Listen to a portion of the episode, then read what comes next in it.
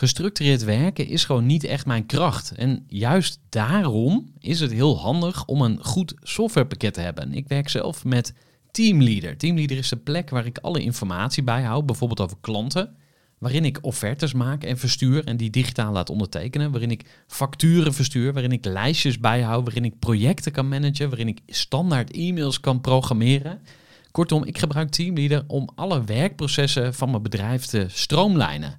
En zeker ook als je met een team werkt, is het heel fijn om over dezelfde informatie te beschikken. Nou, als je ook benieuwd bent of er mogelijkheden zijn om jouw bedrijf meer te stroomlijnen, of je nu alleen werkt of met een team, ga even naar teamleader.nl slash groeivoer en je kunt dan vandaag nog een trial starten voor twee weken lang, gratis. En je kunt Teamleader volledig uitproberen. En na de proefperiode krijg je ook nog zo'n leuke korting als luisteraar van Groeivoer. Ga naar teamleader.nl slash groeivoer.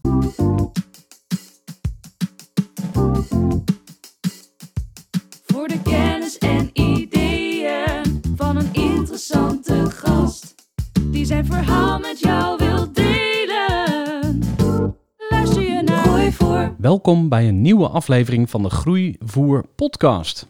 In deze aflevering ga je luisteren naar Elmer Hendricks, oprichter van het Instituut voor Systemisch Werk. Elmer is één van de beste familieopstellers van Nederland. En dat zijn niet mijn woorden, maar die van Els van Stijn, auteur van onder andere het boek De Fontein en ook een bekend familieopsteller. Maar wat is een familieopstelling nou eigenlijk? Wat is systemisch werken? En waarom zou dit relevant zijn voor jou als ondernemer? In elk geval een stuk relevanter dan je misschien op het eerste gezicht zou denken. Want je systeem van herkomst, het gezin en de familie waar jij uitkomt, bepaalt op onbewuste wijze een groot deel van je handelen. En juist omdat het onbewust is, zit daar vaak een blinde vlek. Je maakt in deze aflevering kennis met familiesystemen en wat het voor je kan doen als je hierin gaat verdiepen. Voor jou persoonlijk, maar ook voor je bedrijf. Want we leren in deze aflevering ook meer over systemisch werk, hoe je dat in kan zetten binnen je organisatie en binnen teams. Om dingen beter en fijner te laten verlopen en om patronen te doorbreken. Ik heb heel veel zin in dit gesprek. Ik wens jou veel luisterplezier. En Elmer, van harte welkom in de podcast. Dankjewel.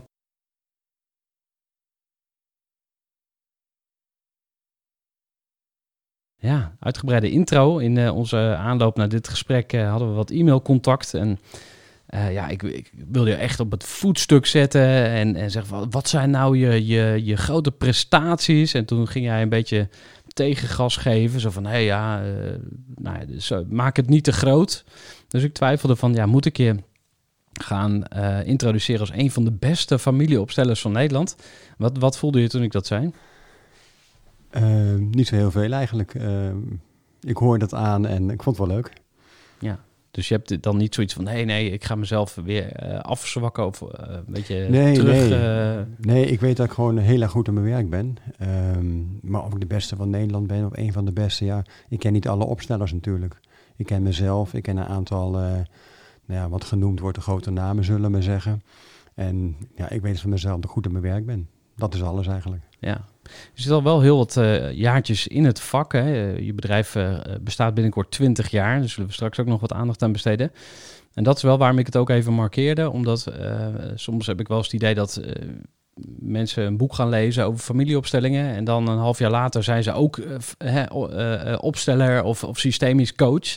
Waardoor je soms als buitenstaander of als, als leek het spoor bijster raakt van ja, wie is er nou echt goed en wie is er nou echt of, en wie is misschien minder goed? Ja. heb jij daar een, een, tip voor? Waar moet je op letten? Stel dat je met systemisch werk aan de slag wil en je zoekt een coach. Waar moet je op letten? Nou ja, eigenlijk kijken um, uh, hoeveel praktische ervaring zij of hij heeft. Om opstellingen te begeleiden of systemisch coach te zijn, uh, die je behoorlijk wat opstellingen begeleid te hebben. En de enige manier om het vak te leren, dit ambacht kan ik wel zeggen, is in het begeleiden van opstellingen. Waarom in opstellingen? Juist in een opstelling ga je ga je, systemische intuïtie ontwikkelen. Je gaat uh, dingen voelen vanuit je waarneming. In één keer weet je iets vanuit je waarneming. Je gaat dynamieken herkennen. Die dynamieken weet je ook welke interventie je moet doen bij de dynamieken. Uh, dat vraagt echt een hele goede timing. Je gebruikt uh, systemische zinnen hè, voor bepaalde rituelen. Nou, die zinnen moet je echt proeven van binnen. Je moet ze voelen. Je moet kijken hoe ze uitgesproken worden, hoe ze door de, nou ja, door de representanten uitgesproken worden, hoe ze aankomen. Uh, het vraagt heel veel afgestemd zijn en vooral afgestemd zijn op jezelf. Want als je goed afgestemd bent op jezelf, in jezelf aanwezig, dan ontvang je die informatie vanuit het systeem. Maar dat vraagt echt jaren en jaren van doen. Als ik wel eens zie bij een opleiding van nou ja, zes dagen familieopstellingen en dan een hele ris erachteraan van wat je dan allemaal kan, ja, daar geloof ik niks van het is er, na onze opleiding, die duurt dan 18 dagen, um, zeg ik altijd, dan heb je je rijbewijs gehaald en dan kun je veilig de weg op. En dan is er gewoon heel veel rijden om die, nou ja, die routine erin te krijgen, de inzichten te krijgen, de intuïtie te ontwikkelen. Dus dat, uh, ja, het vraagt nogal wat om systemisch werker te zijn. Het is ook jouw levenswerk inmiddels uh, geworden, kunnen we wel zeggen, denk ik. Tenminste, als ik uh, zo op je LinkedIn uh, kijk. Daar gaan we straks nog veel dieper op in. En ook ja, waarom je überhaupt hiermee aan de slag zou willen. Maar voor we dat doen, wil ik je eerst vragen om ons eens voor te stellen aan de kleine Elmer. Wat voor jochie was je eigenlijk? De kleine Elmer? Ehm, als kind was ik nerveus. Ik was angstig. Um, ik, ik, vermoed dat ik toen al um, een behoorlijk inzicht had in uh, hoe mensen functioneren. Niet, echt het hoe misschien, maar ik kon wel heel snel voelen dat uh, heel veel dingen die ik waarnam bij, bij mijn vriendjes, maar ook zeker bij de, de zogenaamde volwassenen, uh, heel veel dingen die gewoon niet klopten. En ik kan niet precies duiden wat, maar ik voelde me ergens ook wel um, een vreemde eend in de bijt. Ik was gewoon voor de rest, uh, ja, ik speelde met andere kinderen uiteraard. Uh, ik deed mijn ding. Ik was nogal uh, ja, afgesneden van mezelf. Uh, ook vanuit mijn jeugd. Ik denk dat ik wel de nodige trauma's opgelopen heb. Nou, zonder daar al te diep op in te gaan. Maar dat maakte wel dat ik bepaalde zintuigen ontwikkeld had. Waarbij ik um, vanuit die angst ook mijn omgeving goed kon scannen. En heel veel dingen begreep ik niet. Ik begreep niet waarom uh, mensen reageerden zoals ze reageerden, maar ook uh, vriendjes of de oudere jongens, uh, hoe die reageerden zoals ze reageerden. Dat was voor mij allemaal niet, want toen kende ik dat woord nog niet, authentiek. Ik zag wat ze deden en ik voelde er klopt iets niet, maar ik had geen flauw benul wat natuurlijk. Ja. je zou kunnen zeggen, het klinkt als een, als een grote gave die je had, maar je zou kunnen zeggen, het is meer een, een, een vloek, zeg maar, of iets, iets, lastigs, iets lastigs wat jij moet dragen. Hoe kijk je er zelf op terug? Nou, ik weet niet of het een gave is. Dat, dat, dat, dat geloof ik niet eigenlijk. Um, uh, een vloek ook niet. Uh, nee, een vloek zeker niet. Um, ja, hoe moet ik het zeggen? Ja, heel simpel gezegd, het was zoals het was. En als kind zijnde denk je daar überhaupt niet over na. Want deze gedachte die ik nu zo ventileer, ja, die kwam natuurlijk veel en veel later. Als kind zit je er gewoon in en doe je wat je doet. En uh, als je dan waarneemt dat dingen voor jou niet kloppen, dat ervaar je dan als een onrust. Maar je kan nog geen woorden geven. Kan je iets vertellen over je systeem van herkomst? Uh, ja, uh, vader en de moeder natuurlijk. Een zus die vier jaar ouder is. Um, twee uh, oma's, een opa en een andere opa heb ik nooit gekend. Mijn vader die heeft zijn biologische vader ook niet echt gekend. Mijn vader die is, eens kijken hoe even goed zeggen. De, de moeder van mijn vader was um, dienstmeisje in een groot hotel in Duitsland. En er kwam toen een baron Majex Lafontaine op bezoek. Nou, daarna was er geen dienstmaagd meer. En toen werd mijn vader geboren en mijn vader werd al heel snel weggedouwd in een weeshuis bij nonnetjes. En is tot zijn veertiende volgens mij in het weeshuis bij nonnen gebleven. En is later um, vanuit zijn Duitse moeder ook, uh, heeft een goede baan gekregen bij de SS. Want daar moest hij heen gaan, want dat was, uh, ja, zat toekomst in. Mijn vader was ook 17 of 18 toen bij de SS gekomen. Nou, nodige dingen in de oorlog meegemaakt. Uh, been verloren, een half been verloren. Uh, andere een halve voet verloren. Nou, mijn moeder zat aan de andere kant. Die uh, is meer Fries stamboekvee. Haar ouders zaten in het verzet in de oorlog. Haar vader vooral. Die heeft ook nog in de dodencel gezeten en die zou 8 mei geëxecuteerd worden en 5 mei was de bevrijding. Dus heeft hij net gered. En de oorlog was voor mijn moeder een van de mooiste tijden van haar leven. Ze was toen acht toen hij begon en dertien toen hij afgelopen was. En ze had daar, uh, ja, de, al die illegalen kwamen over de vloer. Uh, ze maakte wapens schoon, ze hoorde de gesprekken. Heel veel jonge lui natuurlijk, waar ze, nou, wat ze helemaal geweldig vond. Dus voor haar was het de tijd van haar leven. Ja. Maar ook mijn moeder is, ja, mijn vader heeft natuurlijk behoorlijke trauma's opgelopen. Mijn moeder is ook behoorlijk getraumatiseerd. Ik zal niet te veel in detail treden over de achtergrond verder, maar er zijn de nodige dingen gebeurd. Ja, ik, hoorde, of ik las eigenlijk ook iets eh, over een familiebedrijf. Wat is daar het verhaal van? Ja, nou, een familiebedrijf, het bedrijf van mijn opa, die heeft een, uh, dat was een enorme techneut, de vader van mijn moeder. En die heeft toen een, een fabriek opgestart, een Banderinga Plastics, een plasticfabriek. En uh, ja, daar is hij succesvol in geweest. Hij was technisch heel goed, zakelijk blijkbaar ook goed genoeg. En mijn vader was toen boekhouder in Duitsland. En die is toen door zijn schoonouders van Nederland gehaald en is dan directeur van die fabriek geworden. Ja. Maar hij was, uh, ja, hij was een beetje de bedrijfsleider eigenlijk. Ja.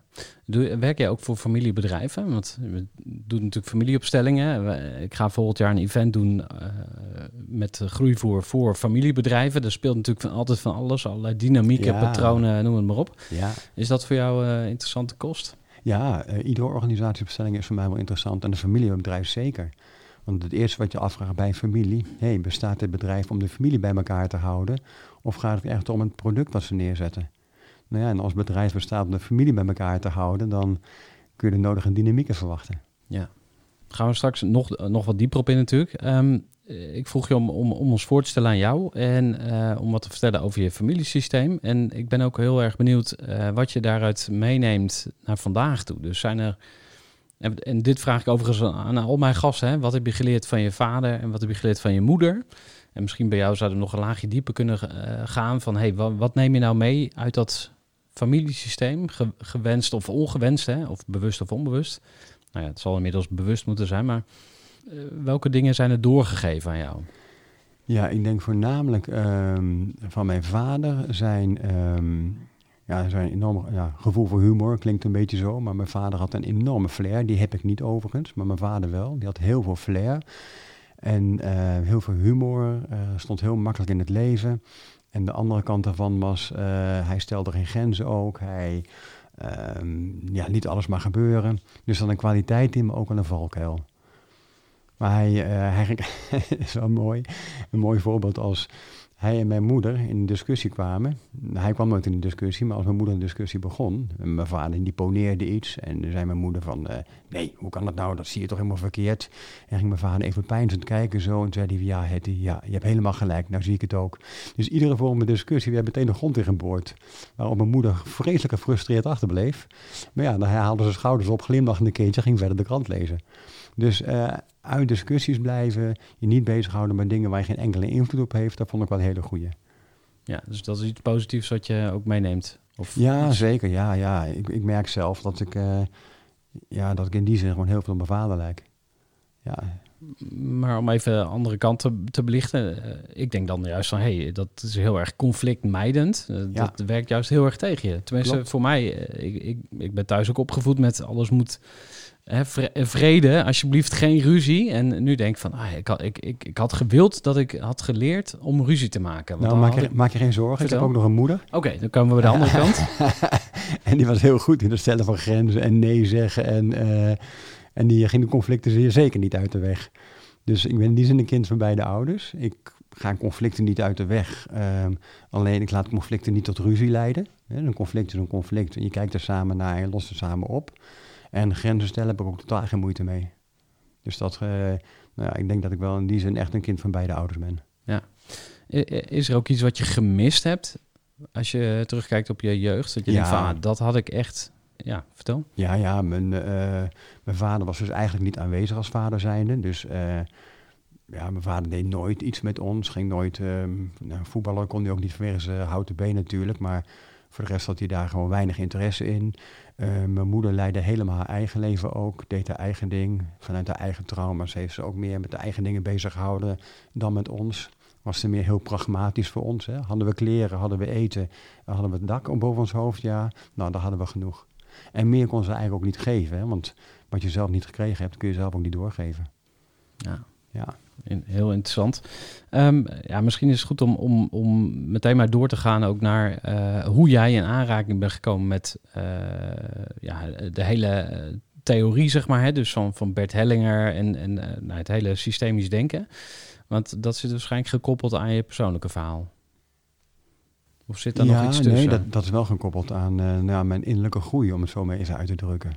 Nou, zonder al te veel in details te gaan en heel erg te vervelen met eh, mijn liefdesleven. Nee, dat willen wij even weten. Vertel iets over je liefdesleven. Kom op ermee. Ehm eens kijken. Ik was ehm, twee jaar gescheiden van mijn ex-vrouw. Met wie ik op een goede manier uit elkaar gegaan ben. Hielden ook van elkaar. Alleen verliefd worden, dat kende ik niet. Hè. Mijn gevoel ging niet zo heel diep wat dat betreft. Tot er ehm, op een dag een vrouw in mijn leven kwam. Ik zal eventjes achterwege laten hoe dat allemaal ging. Een vrouw in mijn leven kwam op wie ik stront verliefd werd. Dat gevoel kende ik niet. Dus ik was helemaal flabbergasted, helemaal de weg kwijt. En ehm, toen ik uiteindelijk eh, met een hartslag van 180 tegen haar zei, drie maanden later dat ik verliefd op haar was, vond ze het heel rot voor mij. Want ze hield, ja, ze hield van me als vriend, maar totaal geen eh, relatiemateriaal. Dus nou, toen kwam ik in een hele diepe pijn terecht. Ja, met mijn verliefd worden, dat was eigenlijk de krek aan mijn panzer. Ik had een behoorlijk panzer opgebouwd eh, in mijn hele leven. Ik kwam een krek aan mijn panzer. Eh, dus ik begon al dingen te voelen die ik eigenlijk nooit eerder gevoeld had. Ik kwam angsten tegen. Moet ik er even bij zeggen, ik ben, daarvoor ben ik karate kickboxleraar geweest. En angst kende ik niet, dacht ik. Maar goed, ik had zo'n panzer opgebouwd dat ik nergens bang voor was. Dus ik kwam een krek aan dat panzer. Zo een paar weken na onze ontmoeting, na die krek in mijn panzer, uh, nodigden ze me uit om een keer mee te gaan naar familieopstellingen. Want ze kende iemand die dat gaf. Uh, dat ze uitgenodigd naar Arnhem om uh, nou ja, daar de demonstratie in te geven. En een paar avonden. En dat ze mensen voor nodig. Dus hoe ik mij of mee wilde. Ja, ik had überhaupt helemaal niks met therapie voor me. Maar zoals het uitlegde, dacht ik dat het een soort theater was. Ik ben dan iemands vader of iemands broer. En dan gebeuren er dingen en dan is er een interactie. Dus ik dacht theater. Nou ja, theater interesseerde me ook helemaal niks. Maar met haar ging ik natuurlijk overal mee naartoe. nou, toen ben ik meegegaan. En... Um, toen zaten we in een, in een kring, een U-vorm. En aan de open kant van de U zat een man. En die begon te vertellen over het stromen van de liefde en dat soort dingen. Dan ging bijna over mijn nek, want met dat woord had ik helemaal niks. En toen keek ik om me heen en ik dacht van, oh nee hè, dit is een of andere therapiegroep. Oh my god, hoe kom ik hier weg? En ik had me voorgenomen, nou ik blijf nog even zitten, maar de eerste pauze ben ik weg. Dus ik zat echt zo uh, nou, enorm sceptisch te kijken naar uh, wat er gebeurde. Er werden toen gebeurde dat nog, dat gebeurt nog steeds wel, maar dat de cliënt de representant een plek in de ruimte geeft. Je zoekt ze uit, geeft ze een plek in de ruimte. Dus uit die groep zoek je mensen. En dan vraagt zij van, wil jij mijn vader zijn? Volkomen onbekende mensen. Wil jij mijn moeder zijn? Wil jij mijn zusje zijn? En wil jij mij zijn? Nou, die mensen krijgen een plek in de ruimte. Ja, en wat er vervolgens gebeurde, ik dacht tot die tijd echt van, wat een onzin allemaal, wat een nou ja, bullshit. En ze stonden en ik begon dingen te voelen. Ik kreeg kippenvel. Ik, ik, zag dat het klopte. Er begon eentje die begon weg te draaien. Andere werd emotioneel. Andere zakte wat in elkaar. En ik, wat is dit? Wat is dit? Ik begreep echt helemaal niks van, maar het klopte wel. Ik wist ook, hoe ik dat wist weet ik niet, maar ik wist ook, ik kom hierin terecht. Ik word uitgenodigd. En inderdaad, ik werd uitgenodigd in die opstelling. Weliswaar als miskraam, maar toch. Dus ik zat in die opstelling en nou die opstelling was geweest en ik was helemaal geschud. Nou, toen waren er nog één of twee opstellingen. Nou, en na die avond, ik was totaal flabbergasted. En ik wist één ding 100% zeker. En dat praten over 22 jaar geleden. 100% zeker, dat ga ik met mijn leven doen. Wat er ook gebeurt, dat ga ik met mijn leven doen. Dat wist ik. Dus ik ging naar die, uh, die workshop, ging ik naar die uh, trainer toe. En ik vroeg van, kun je dit werk leren überhaupt ergens? Hij zei, nou ja, toevallig een, uh, over een paar weken start er net een opleiding in, uh, in, in Duitsland. Ik zei, waar kan ik me inschrijven? Hij zei, nou moet je niet een beetje oriënteren. Eerst, waar, waar kan ik me inschrijven? dus ik heb me ingeschreven en ingeschreven. En um, ja, uh, de rest is geschiedenis. Ik heb vanaf dat moment heb ik me volledig gemarineerd in systemisch werk. Ja, en dat was bij Wolfgang Koenighaus, Klopt. denk ik. Klopt. Dat is niet de bedenker van uh, systemisch denken. Of ja, ik weet überhaupt niet of je zoiets kan claimen. Want wat, ja... Ja, precies. Wil je ons eens vertellen hoe dat zit? Ja, ja wat ik ervan weet is dat uh, Bert Hellinger, dat is hè, de naam op het gebied van uh, familieopstellingen, die heeft natuurlijk ook zijn eigen bronnen gehad allemaal. Hè, van de, de oerschreeuw van Jano, Virginia Satir met families werken. Maar uit al die En al die vormen, zal ik maar zeggen, is uiteindelijk bij hem de vorm van familieopstellingen ontstaan. En wat een hele belangrijke inzichten van hem zijn geweest, zijn de verschillende gewetens, werken van de gewetens, waar het boek van Els Verstijn ook over gaat, hè, de fontein. Het gaat eigenlijk over al die verschillende lagen die er zijn, de verschillende gewetens die er zijn. En dat is wel toe te schrijven voor een groot deel, want er zijn ook andere mensen die daar dingen in ontdekt hebben die hij gebruikt heeft. Maar echt niet dat onderscheid erin, dat is echt aan hem te danken. Ja. Maar ook de hele vorm van familieopstellingen, het begeleiden van opstellingen, zinnen die daarbij passen, interventies die er gedaan worden. Dat is echt voor een heel groot deel eh, aan hem te danken. Even een korte onderbreking met een belangrijke vraag aan jou. Want wat heb jij geregeld voor het geval je van de ene op de andere dag zou komen uit te vallen? Wat gebeurt er dan met je bedrijf, maar vooral wat gebeurt er met jou persoonlijk en ook in financieel opzicht? Samen met ASR voerde ik drie openhartige gesprekken over tegenslag en veerkracht. En dat deed ik met Saskia, Vincent en Pieter. Ondernemers met een bloeiend bedrijf die van de ene op de andere dag niet meer konden werken. En die verhalen hoor je in aflevering 256, 257 en 258 van deze podcast.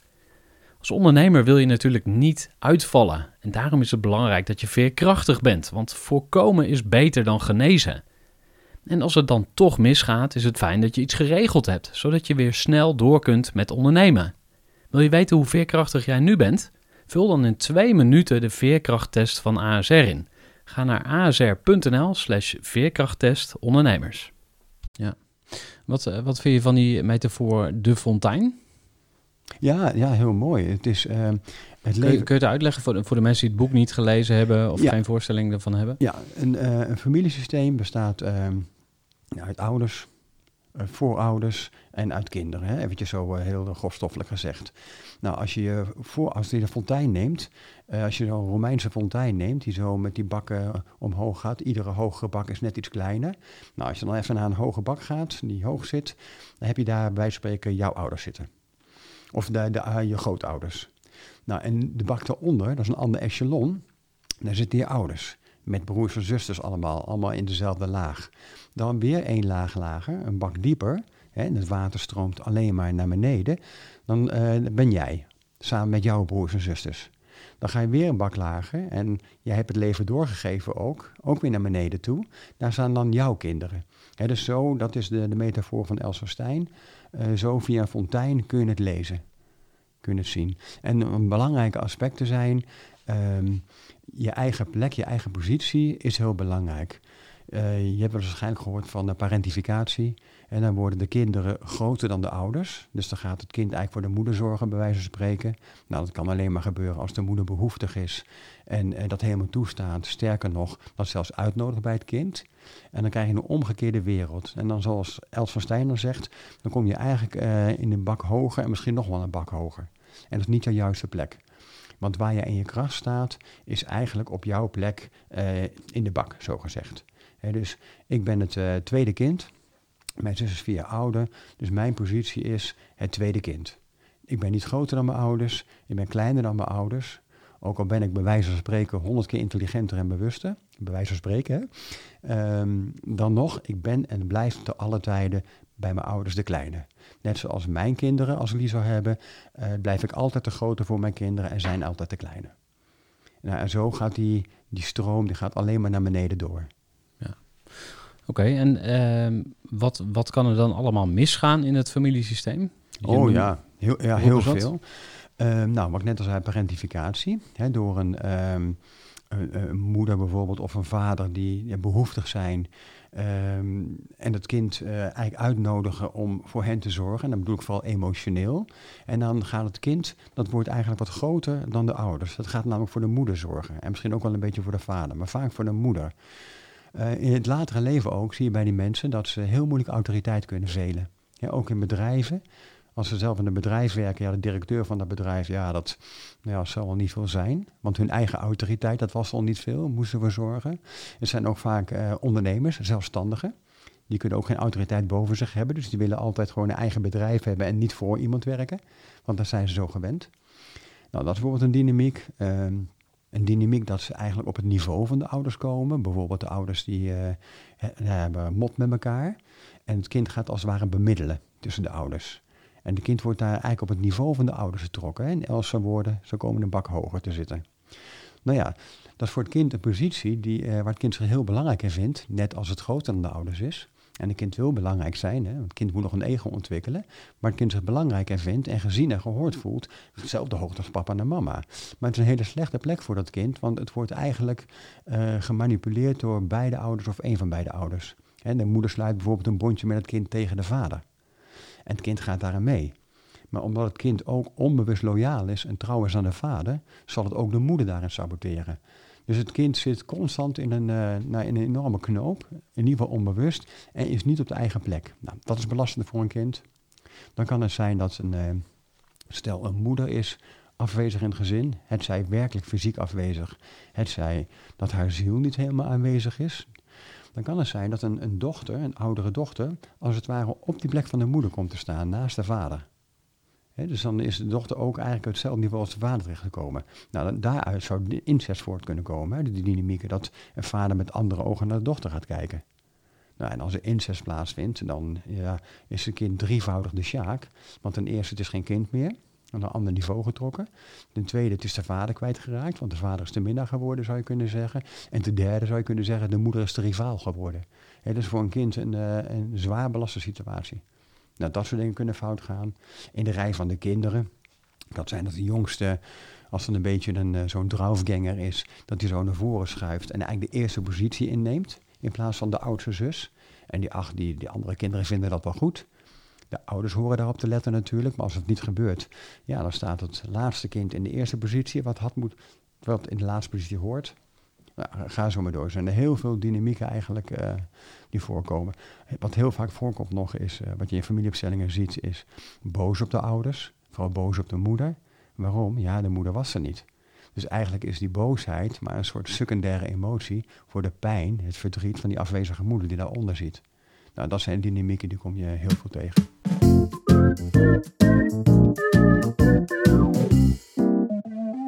Misschien moet ik het eh, wat persoonlijker maken ook, uh, want ik ben zelf ondernemer.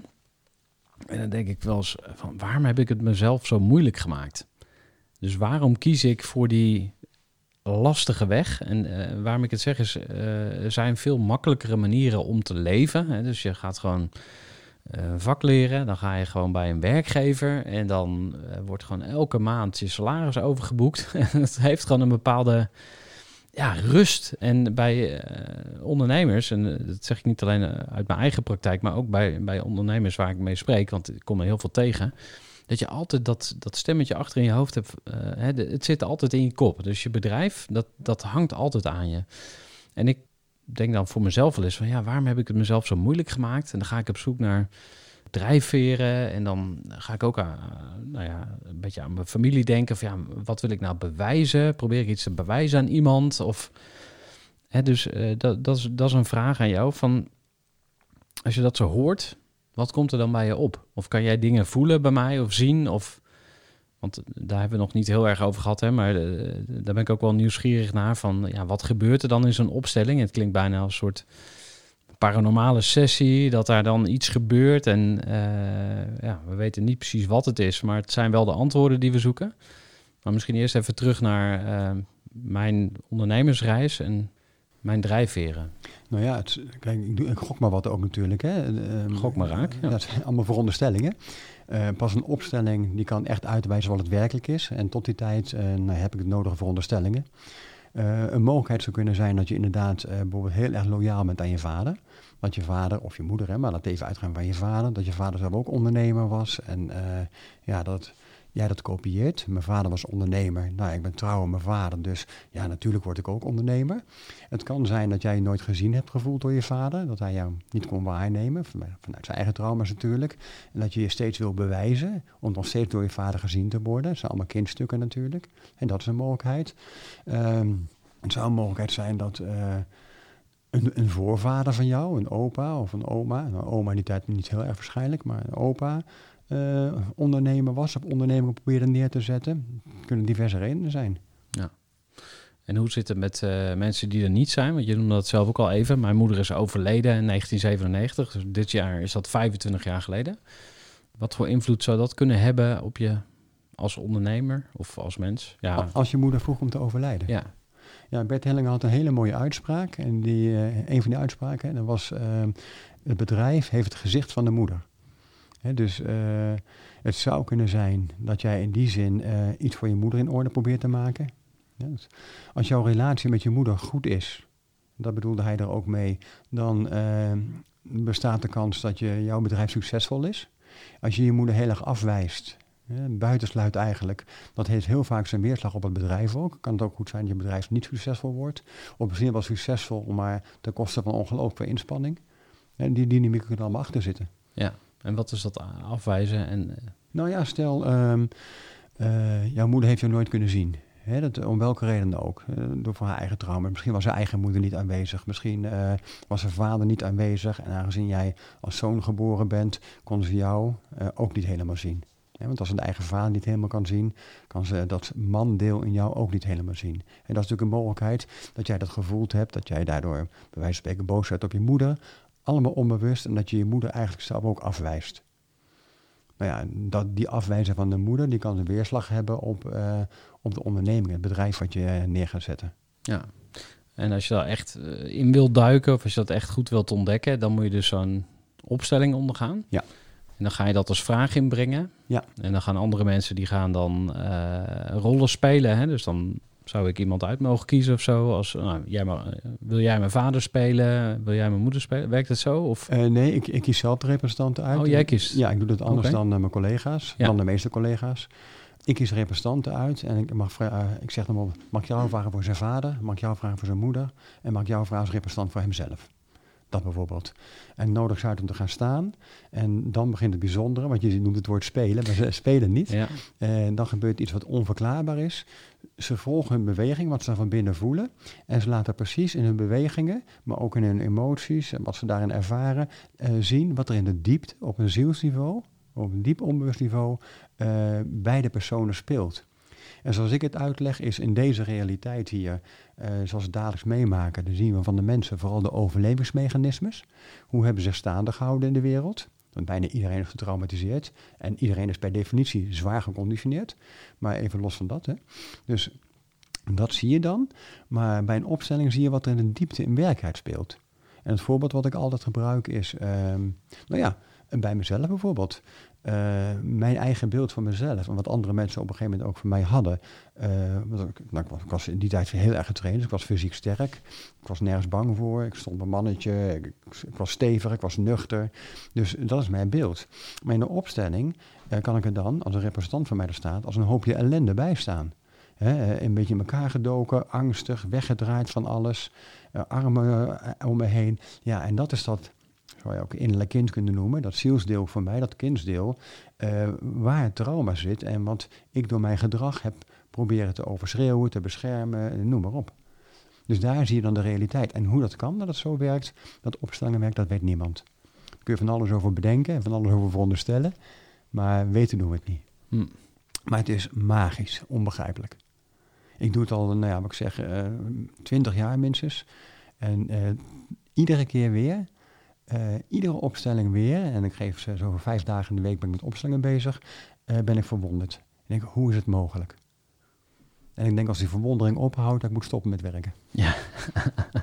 maar dit is jouw levenswerk, dus dat zul je nog zal heel dus, lang doen. Ja, denk het ook. En, en, en eh, ja, er poppen allerlei vragen op natuurlijk, maar één is die van de scepticus. Die zegt van ja, hoe is dit onderbouwd? Hè? Mijn, mijn, notabene mijn, eh, mijn nicht, die regelmatig luistert ook naar de podcast, die, die kwam met dat boek aanzetten van de Fontein. Ah, dit moet je echt eens lezen. Ik dat lezen.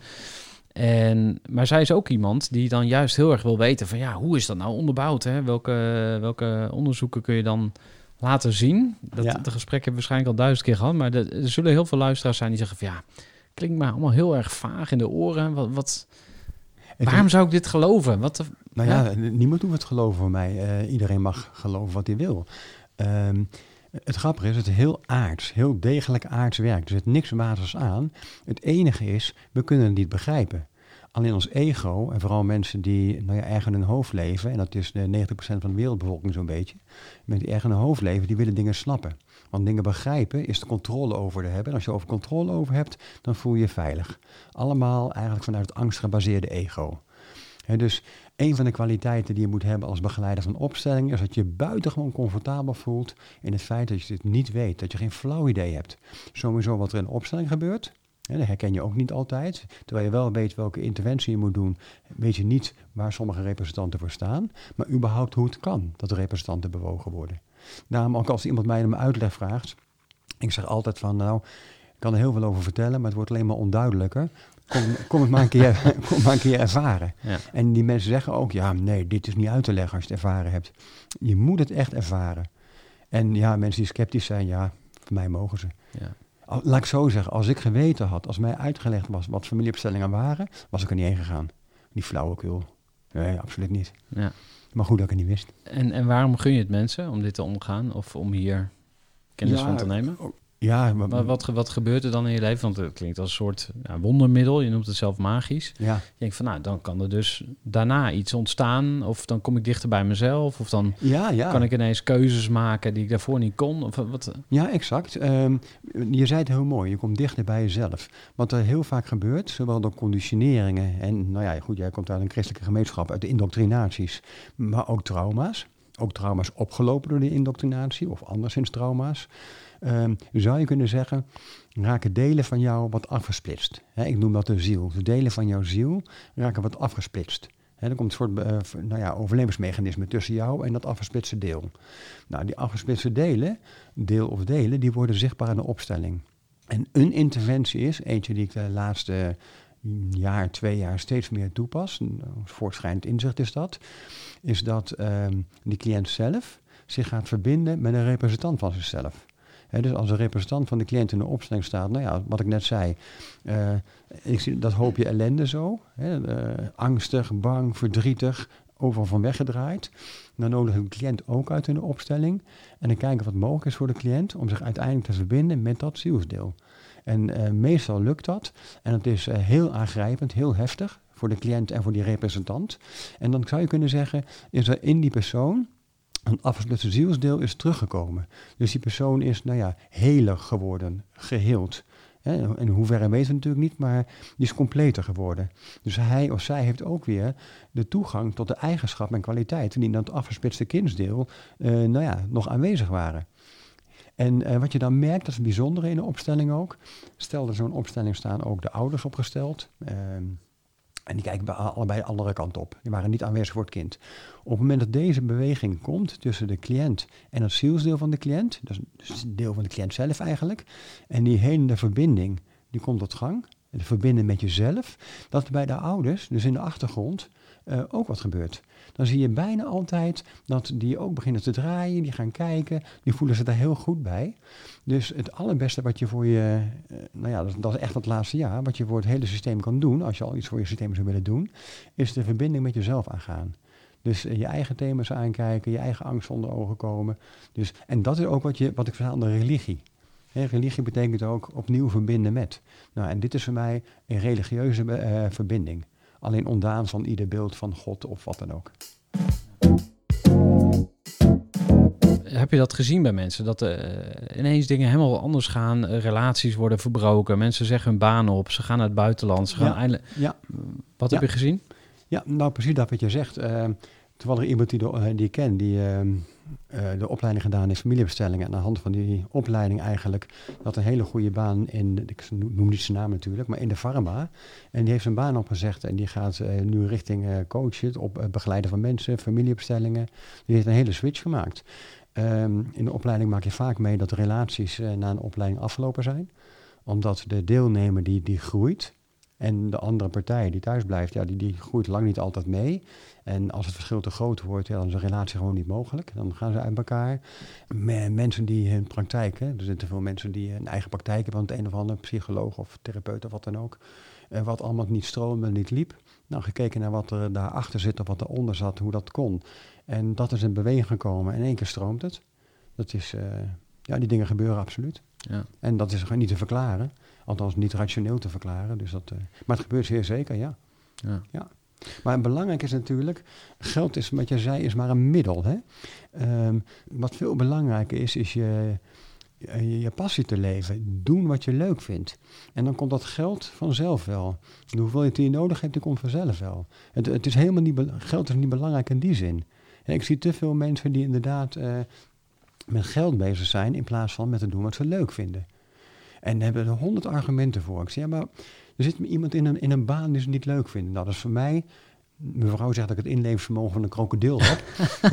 ik, ik kan me dat gewoon niet voorstellen. Dat je iets doet wat je niet leuk vindt.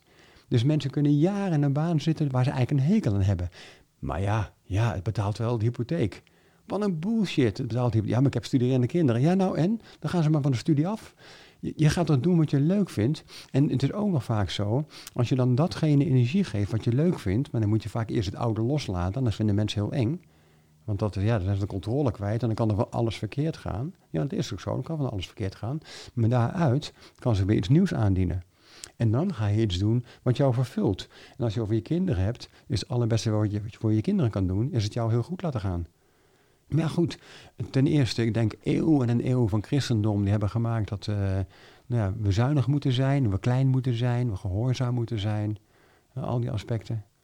Terwijl, uh, ja, het leven is groot. En die grootheid is geen opgeblazen iets, maar het leven wil geleefd worden. Het, het leven wil ervaren. En nou ja, je natuurlijke staat van zijn is uh, vreugdevol, om het zo maar even te zeggen. Dus als jij niet vreugdevol in het leven staat, en dan bedoel ik niet mee met een constante glimlach op je mond, maar niet vreugdevol in het leven staat, je geen innerlijke blijheid voelt en dankbaarheid voelt, dat is een hele belangrijke maatstaf. Een dankbaarheid voor het leven, wat je doet. Ja, dan ben je gewoon op een, uh, op een zijspoor. Dan ben je spoorbijster. Ja. Nou ja, en in mijn beleving is 90% van de mensen uh, die is spoorbijster. Oh, zoveel? Ja, ik, ik koppel het aan volwassenheid. Hm. Ik zie gewoon simpelweg dat 90% van de mensheid niet volwassen is. De verpakking is volwassen natuurlijk, maar er zitten van binnen zoveel kindpijnen. Mensen zijn zo geconditioneerd, getraumatiseerd, uh, verbijsterend. Dus je kan nauwelijks spreken over, over volwassenheid. Ik ben toevallig net met een boek begonnen te schrijven over volwassenheid. Ja, en, en dingen als ruzie maken. Als je ruzie maakt, ben je niet volwassen. Loyaliteit. Als je loyaal bent, ben je niet volwassen. Gezien willen worden, erkenning nodig hebben. Als je dat nodig hebt, ben je nog niet volwassen. Nou ja, zo zijn er heel, heel veel punten.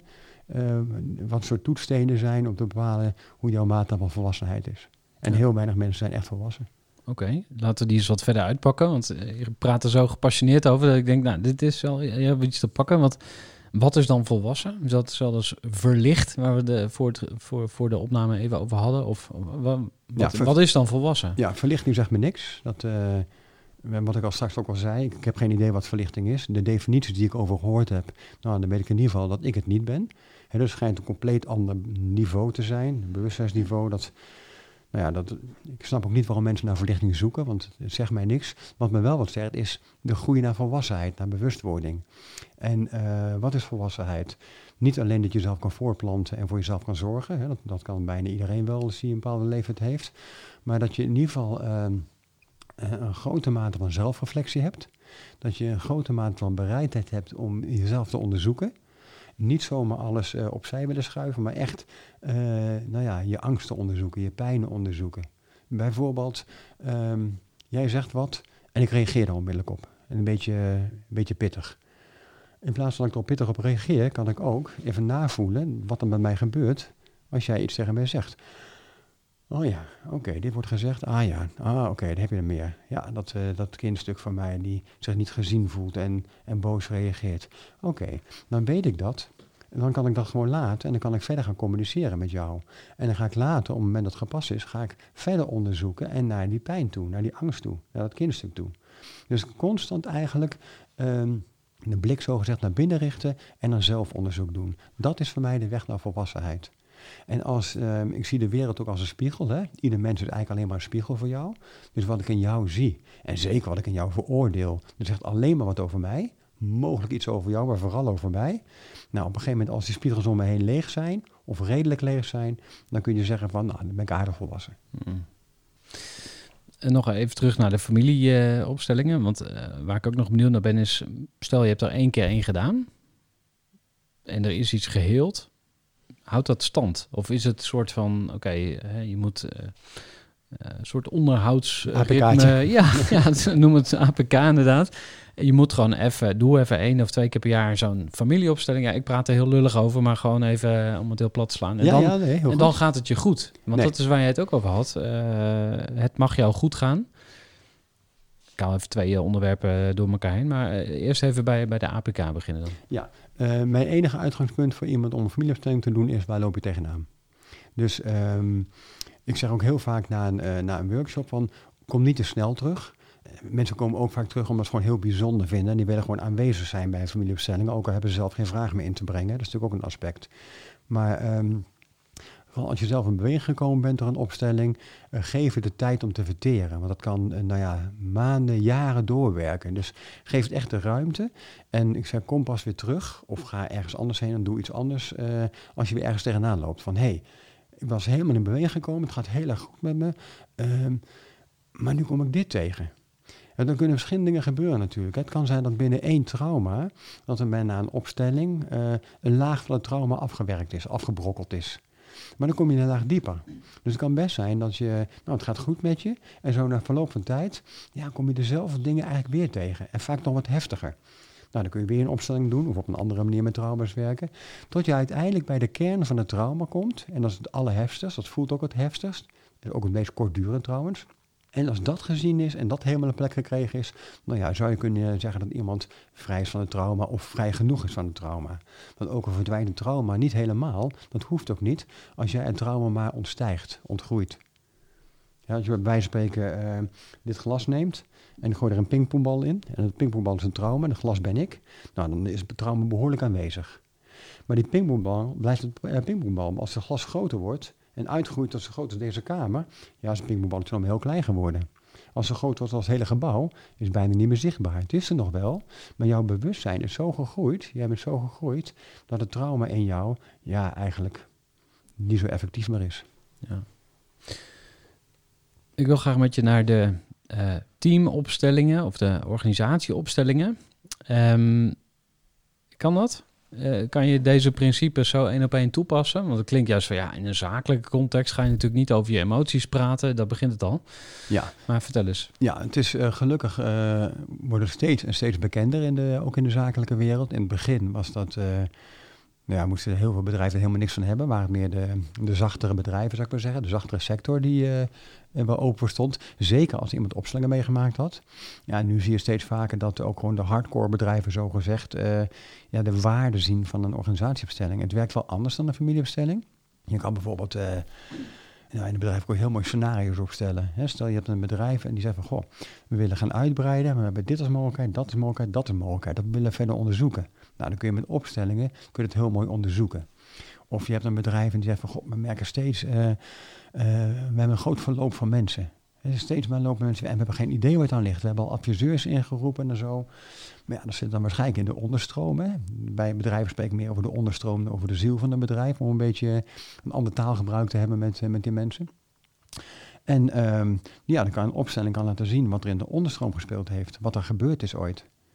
Eh, een klein voorbeeldje. Ik heb een keer, ehm, nou ik praat misschien over 15 jaar geleden, een organisatieopstelling gedaan voor ehm, meldkamers van de brandweer. Op bepaalde locatie, ik zal natuurlijk niet zeggen waar. Meldkamerpersoneel, dat ging helemaal niet goed met dat personeel daar. Dat was van hoog verloop ook. eh er was van alles aan de hand. Hebben we opgesteld.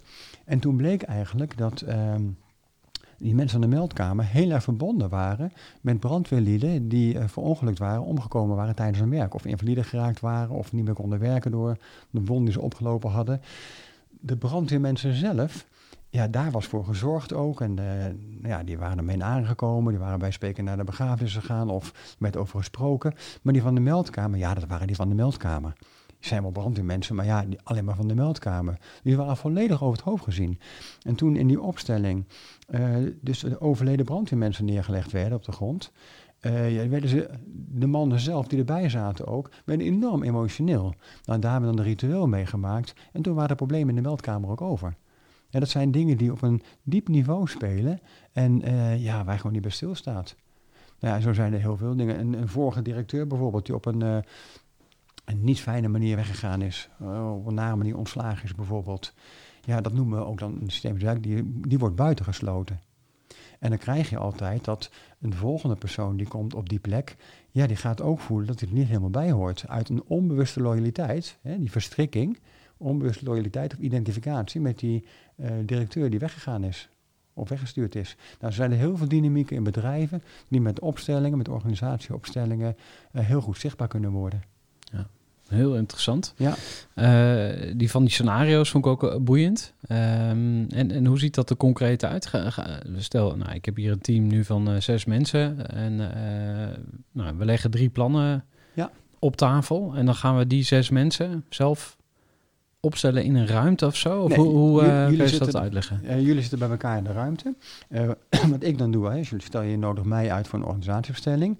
Dan neem ik een, een hele groep representanten mee. Dat zijn het algemeen Aha. mensen die bij mij de opleiding gedaan hebben. Over het algemeen ook mensen die organisatieopstellingen gedaan hebben, opleiding. En die zijn er dan bij. Dat vinden ze altijd heel fijn ook. Want nou, ja, als je zelf ervaren hebt, representant zijn ook een bijzondere ervaring. Plus ze leren ervan ook. Hè. En dan ga ik bijvoorbeeld ehm, eh, die drie verschillende plannen kan ik eh, per plan één of twee representanten voor nemen, afhankelijk van wat het plan is. Hè. Dat kan ook nog heel erg verschillen natuurlijk. En die, eh, die laat ik een plek in de ruimte vinden.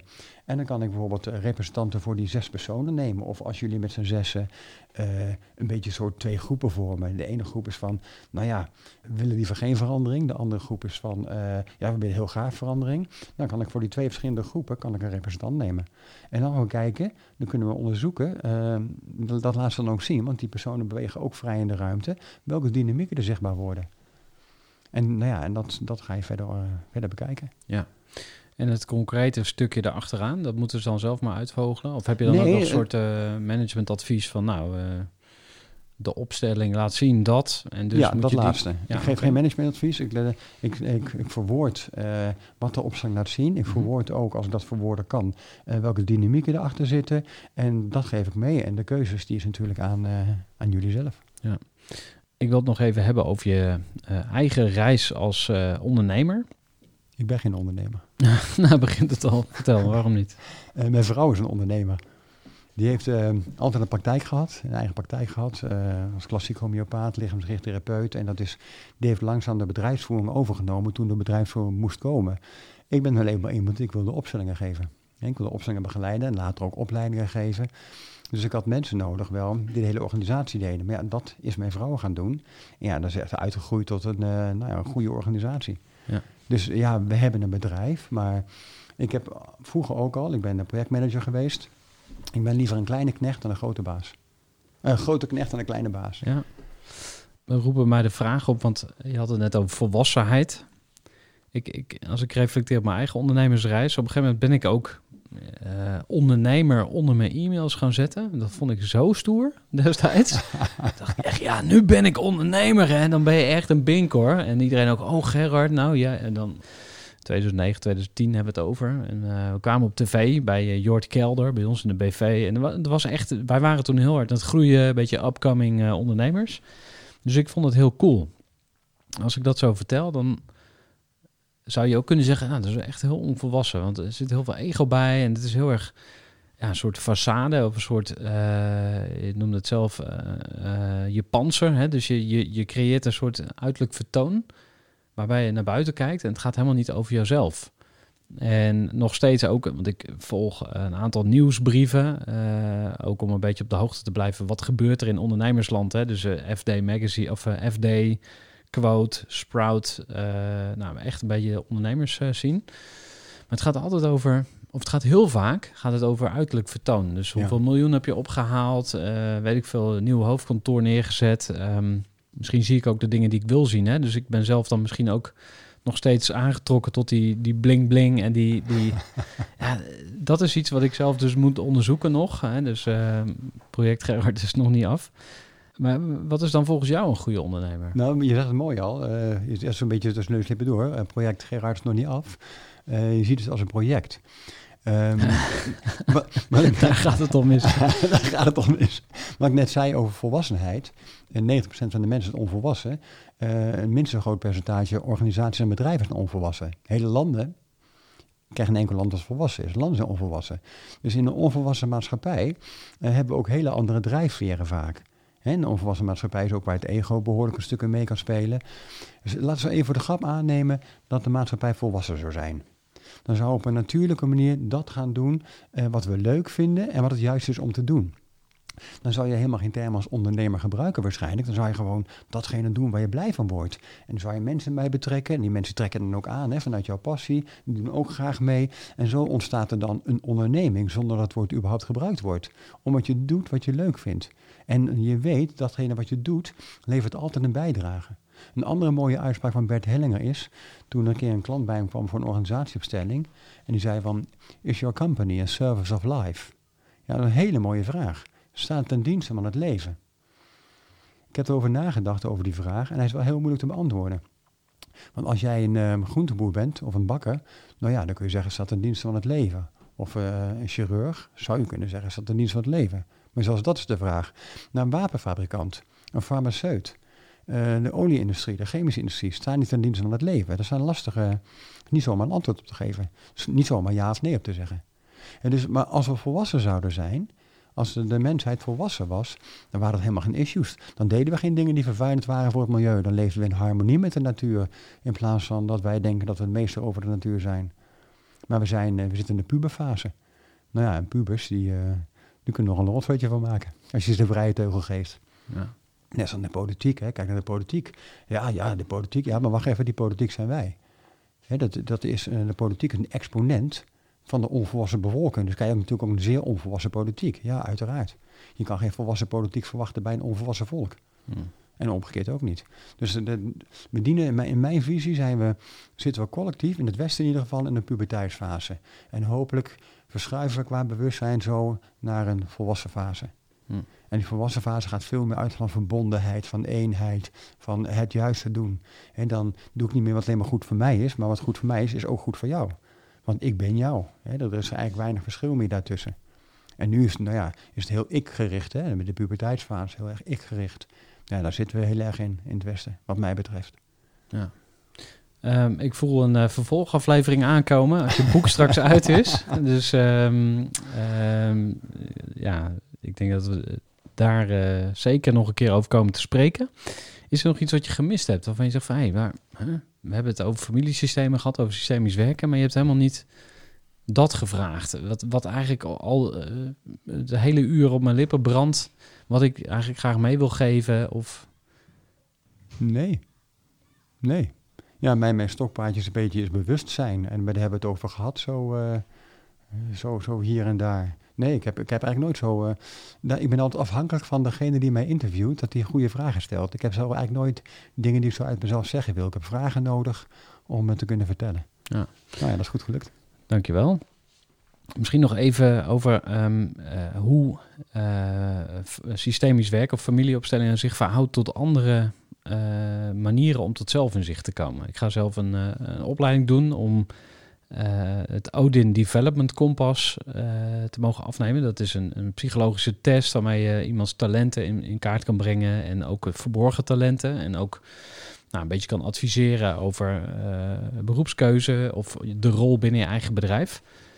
En toen ging ik een beetje oriënteren. En toen dacht ik van ja, er zijn ook zoveel tools om zelf een zicht te krijgen. Hè. Iedereen kent de DISC wel, de Insights, de MBTI, noem maar op. En, ik ken er geen een van, maar oké. Oké, okay, dat, nou, dat, zijn allemaal testen. En dan komt er een kleur uit of een, een, een, typologie of whatever. Misschien ben je er helemaal niet mee bezig, maar hoe... Uh, zijn er aanpalende gebieden, zeg maar? Als, je, als je kijkt van wat jullie doen, Zeg je dan van, nou, als je dit gedaan hebt, dan kan je dit ook nog doen. Dat is een verrijking uh, ten, aanzien, of, ja, ten opzichte van wat ik aanbied. Dus uh, ja, hoe, hoe krijg je een zo breed mogelijk en goed mogelijk beeld van jezelf? Ja, daar hou ik me inderdaad helemaal niet mee bezig. Ik ben echt alleen met systemisch werk bezig. En uh, wat ik wel helpend vind voor, uh, voor mensen in wat systemisch werk is bijvoorbeeld ademwerk, lichaamswerk, dat soort dingen iedere, iedere werkvorm die jou steeds weer naar binnen brengt. Dat vind ik helpend. Alles wat jou alleen maar naar je hoofd brengt met concepten, modellen en dat soort dingen, vind ik niet helpend. Oké, nou daar neem ik alweer leringen uit. Dus uh, dankjewel. En um, ja, we gaan afsluiten. En ik vraag eigenlijk al mijn gasten um, het volgende. Als je terugkijkt op je leven, wat zijn dan één of twee levenslessen die je graag door wil geven aan de generaties die nog komen? Ja, misschien een beetje flauw antwoord, maar ehm, alles wat ik daarover zou kunnen zeggen, eh, levert geen enkele bijdrage. Iedereen moet dat echt zelf ervaren, welke lessen zij of hij tegenkomt in het leven. Ga naar binnen toe. Dat is het enige. Je kan honderd wegen opgaan die buiten jou leiden. De enige weg die echt leidt tot eh, groei innerlijk is naar binnen gaan. Amen. Elmer, dankjewel. Heel graag gedaan. Voor. Gestructureerd werken is gewoon niet echt mijn kracht. En juist daarom is het heel handig om een goed softwarepakket te hebben. Ik werk zelf met Teamleader. Teamleader is de plek waar ik alle informatie bijhoud, bijvoorbeeld over klanten. Waarin ik offertes maak en verstuur en die digitaal laat ondertekenen. Waarin ik facturen verstuur, waarin ik lijstjes bijhoud, waarin ik projecten kan managen, waarin ik standaard e-mails kan programmeren. Kortom, ik gebruik Teamleader om alle werkprocessen van mijn bedrijf te stroomlijnen. En zeker ook als je met een team werkt, is het heel fijn om over dezelfde informatie te beschikken. Nou, als je ook benieuwd bent of er mogelijkheden zijn om jouw bedrijf meer te stroomlijnen, of je nu alleen werkt of met een team, ga even naar teamleader.nl slash groeivoer en je kunt dan vandaag nog een trial starten voor twee weken lang, gratis. En je kunt Teamleader volledig uitproberen. En na de proefperiode krijg je ook nog zo'n leuke korting als luisteraar van Groeivoer. Ga naar teamleader.nl slash groeivoer.